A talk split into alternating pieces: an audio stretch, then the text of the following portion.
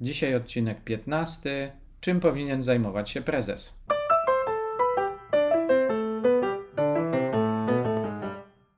Niezapracowani. Podcast o sukcesie i wolności w biznesie. Zapraszam, Filip Nowicki.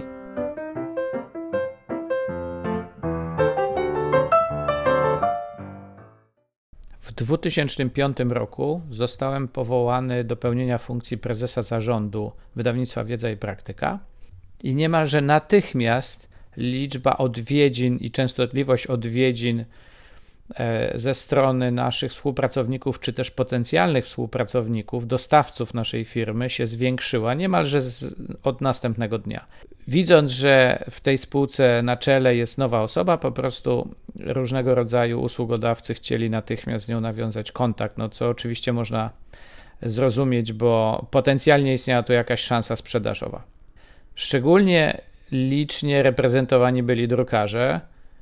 Wiadomo, że wydawnictwo periodyczne jest idealnym klientem dla drukarni, ponieważ zamawia regularnie, w zasadzie co miesiąc tę samą pracę, także jest to, można powiedzieć, łatwe zlecenie, powtarzające się i stanowi świetny fundament dla takiego biznesu. Ja na początku nie do końca świadomy w zasadzie, jaka powinna być moja rola w tej relacji z drukarniami. Akceptowałem te prośby o spotkania i, i uczestniczyłem w tych spotkaniach. Z reguły oni chcieli się spotykać tylko ze mną na samym początku, no żeby uzyskać jakąś decyzję o potencjalnej współpracy i potem szczegóły dogadywać z ludźmi bardziej już odpowiedzialnymi za tą część e, produkcyjną.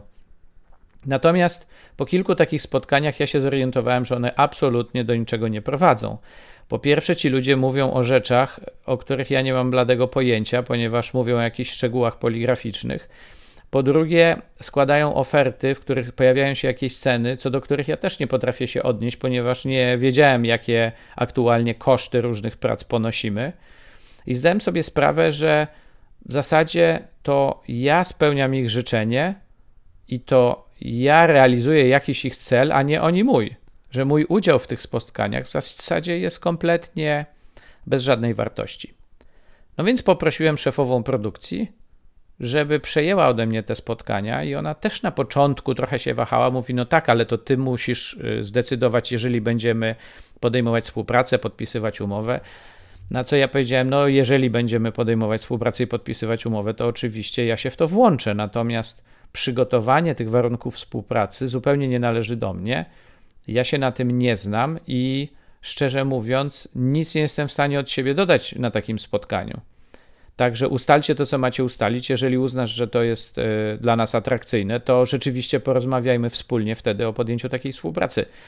No i ona przejęła ten obowiązek na siebie, żeby z tymi drukarzami bezpośrednio rozmawiać, czyli tak jakby występowała w moim imieniu i nasza recepcja też była już przygotowana do tego, że jeżeli ktoś koniecznie musi się spotkać z prezesem, to jest po prostu przekierowywany do dyrektora produkcji.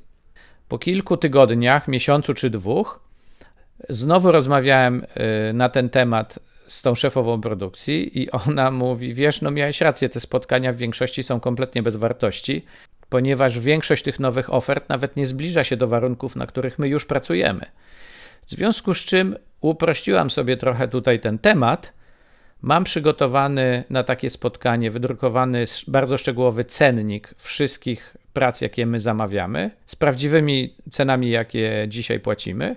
No i na początku takiego spotkania mówię bardzo chętnie mogę porozmawiać o współpracy, jeżeli jesteście Państwo w stanie zaoferować lepsze warunki niż te tutaj, a to są nasze dzisiejsze aktualne warunki. No i co się okazuje, większość tych ludzi nigdy już do nas nie wracała, bo nie byli w stanie przebić tych warunków, które już mieliśmy. I to dla mnie była jedna z pierwszych takich sytuacji, kiedy uświadomiłem sobie, że koncentrowanie mojej uwagi na zewnątrz firmy nie ma takiej wartości czy takiego przełożenia, jak koncentrowanie jej do wewnątrz. I zacząłem się zastanawiać, co mam robić, żeby każda moja godzina była przynajmniej warta 1000 zł, a nie 100. Jakim moim działaniem mogę uzyskać największe przełożenie na wyniki? No więc zastanówmy się wspólnie, jakiego rodzaju zajęcia dla prezesa czy głównego zarządzającego firmą dają tą największą dźwignię, to największe przełożenie na realizację celów, na osiąganie wyników, na wzrost. Niewątpliwie jednym z obszarów działania prezesa są relacje z udziałowcami czy inwestorami. W moim przypadku takie spotkania miały miejsce 3 lub 4 razy w roku i z reguły trwały jeden, może dwa, dwa i pół dnia. Także z perspektywy czasu, który poświęcałem na pracę, no to nie było bardzo angażujące. Oczywiście do tych spotkań należało się przygotować, więc do tego należy doliczyć jeszcze może kilka czy kilkanaście dni w roku, ale to nie była kategoria zadań dominujących. Reprezentowanie firmy na zewnątrz, myślę, że takich oficjalnych okazji, gdzie ja musiałem wystąpić jako reprezentant firmy, może były dwie w roku, może trzy, nie więcej. Więc znowu mówimy o jakimś evencie, który zajmował może kilka godzin czy pół dnia maksymalnie. I z reguły do takich nie trzeba było się jakoś specjalnie przygotowywać. Może czasami trzeba było coś powiedzieć w imieniu firmy, ale no znowu to nie jest kategoria spraw, które bardzo wypełniają kalendarz. Kolejną rzeczą, na którą prezesi poświęcają czas, i ja również poświęcałem, to udział w konferencjach. Z tym, że moim celem nie było na nich występować i, i prezentować, czym się zajmujemy, choć to się sporadycznie zdarzało, a raczej słuchać i uczyć się, co robią lepsi od nas, żeby osiągać wyniki, wzrost i rozwijać się. Dlatego moja uwaga była głównie skoncentrowana na konferencje branżowe, ale za granicą. Bo po kilku polskich konferencjach zorientowałem się, że no niestety, ale nie mogę się tutaj zbyt wiele nauczyć. No ten nasz rynek w tamtych czasach był, można powiedzieć, o pół kroku czy krok do tyłu, jeśli chodzi o jego poziom rozwoju względem rynku zachodnioeuropejskiego, a szczególnie amerykańskiego, kiedy mówimy o fachowych publikacjach subskrypcyjnych, bo to tak można było zdefiniować e, nasz segment tego rynku wydawniczego.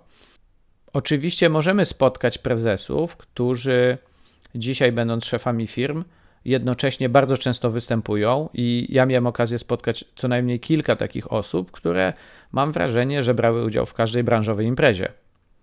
Natomiast y, zastanawiam się, jakie z tego naprawdę jest przełożenie na działanie firmy, bo jeżeli ta rola i to występowanie na tych imprezach jest taką rolą sprzedażową, to niech ją pełni sprzedawca. Dlaczego ma występować prezes?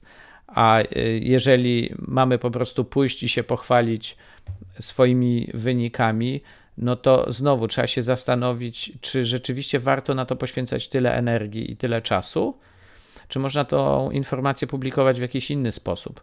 Myślę, że dla części z tych osób jest to po prostu zaspokajanie takiej potrzeby, żeby pokazywać się światu, występować przed ludźmi i prezentować siebie i realizować jakieś, jakieś swoje tutaj y, osobiste aspiracje. Moje założenie, jeżeli chodzi o udział w konferencjach, było takie, jeżeli, a braliśmy w nich udział nie tylko ja, jako jeden, jedyny przedstawiciel naszej firmy, a z, z reguły była to kilkuosobowa grupa na różnych eventach, w różnych momentach roku i w różnych miejscach. I moje założenie było zawsze takie: jeżeli każdy z nas jest w stanie przywieźć z takiego wydarzenia jeden pomysł, który możemy przetestować w swojej firmie, na swoim rynku, to w sumie kolektywnie takich pomysłów będziemy mieli co najmniej kilka lub kilkanaście w roku, i to stanowi ogromną szansę, żeby zrobić jakiś krok do przodu rozwojowy. Bo jeżeli jeden z tych testów wypali, to zwróci nam koszty wszystkich tych konferencji, wszystkich udziałów wielokrotnie, jeśli nie wielesetkrotnie, i y, jest to działanie z y, kategorii tych działań rozwojowych, a nie sprzedażowych. My tam nie jeździliśmy szukać klientów, my tam jeździliśmy szukać pomysłów, jak ulepszyć nasz biznes i jak szybciej się rozwijać. W którymś momencie muszę powiedzieć, że poza tymi kilkoma oficjalnymi y, okazjami w roku, żeby reprezentować spółkę, w zasadzie jedyne moje działanie, czy jedyna moja uwaga na zewnątrz firmy to był właśnie udział w tych konferencjach, żeby coś nowego poznać i czegoś nowego się nauczyć. Natomiast reszta mojej uwagi, większość mojej uwagi była skoncentrowana do środka. I jednym z takich bardzo ważnych zadań było planowanie wzrostu i udział w sesjach planistycznych planowania kolejnego roku, zastanawianie się, w jaki sposób możemy powiększać udział w rynku, w jaki sposób możemy rozwijać bazę subskrybentów, wspólnie oczywiście z osobami odpowiedzialnymi za produkt i za sprzedaż. myślę, że to było dla wielu z nas, mnie i moich najbliższych współpracowników, osią wielu naszych rozmów. Jak możemy rosnąć szybciej? To było to pytanie, które w kółko sobie zadawaliśmy. I to niewątpliwie jest rolą prezesa, i to niewątpliwie y, daje możliwość y, poświęcenia taki, tego czasu w taki sposób bardzo wysokowartościowy. No i jak zejdziemy jakby o poziom niżej, czyli no co dalej, mamy ten, powiedzmy te cele wzrostu już zaplanowane, wiemy mniej więcej co chcemy osiągnąć, no to co powinno się wydarzyć dalej i, i co mamy zrobić, żeby go osiągnąć. I tutaj widzę dwa takie zajęcia, czy dwie takie kategorie zadań właśnie dla prezesa. Jeden to jest system zarządzania, czyli sprawianie, żeby ta organizacja, nasza firma wewnątrz była sprawna i wydajna i w najlepszy sposób realizowała swoje zadania, czyli obsługę klienta, dostarczanie produktu lub usług temu klientowi w taki sposób, żeby tam się nic na co dzień nie zatykało, żeby nie powstawały błędy, żeby cały nasz sposób pracy i, i sposób działania był cały czas ulepszany, żebyśmy się doskonalili. Czyli ten jeden obszar mojej uwagi to był system zarządzania, czy, czy sposób działania całej firmy, a drugi to ludzie. Wsparcie dla ludzi, którzy w tym systemie, w tej organizacji funkcjonują, tak żeby oni mogli realizować najlepiej swoje cele.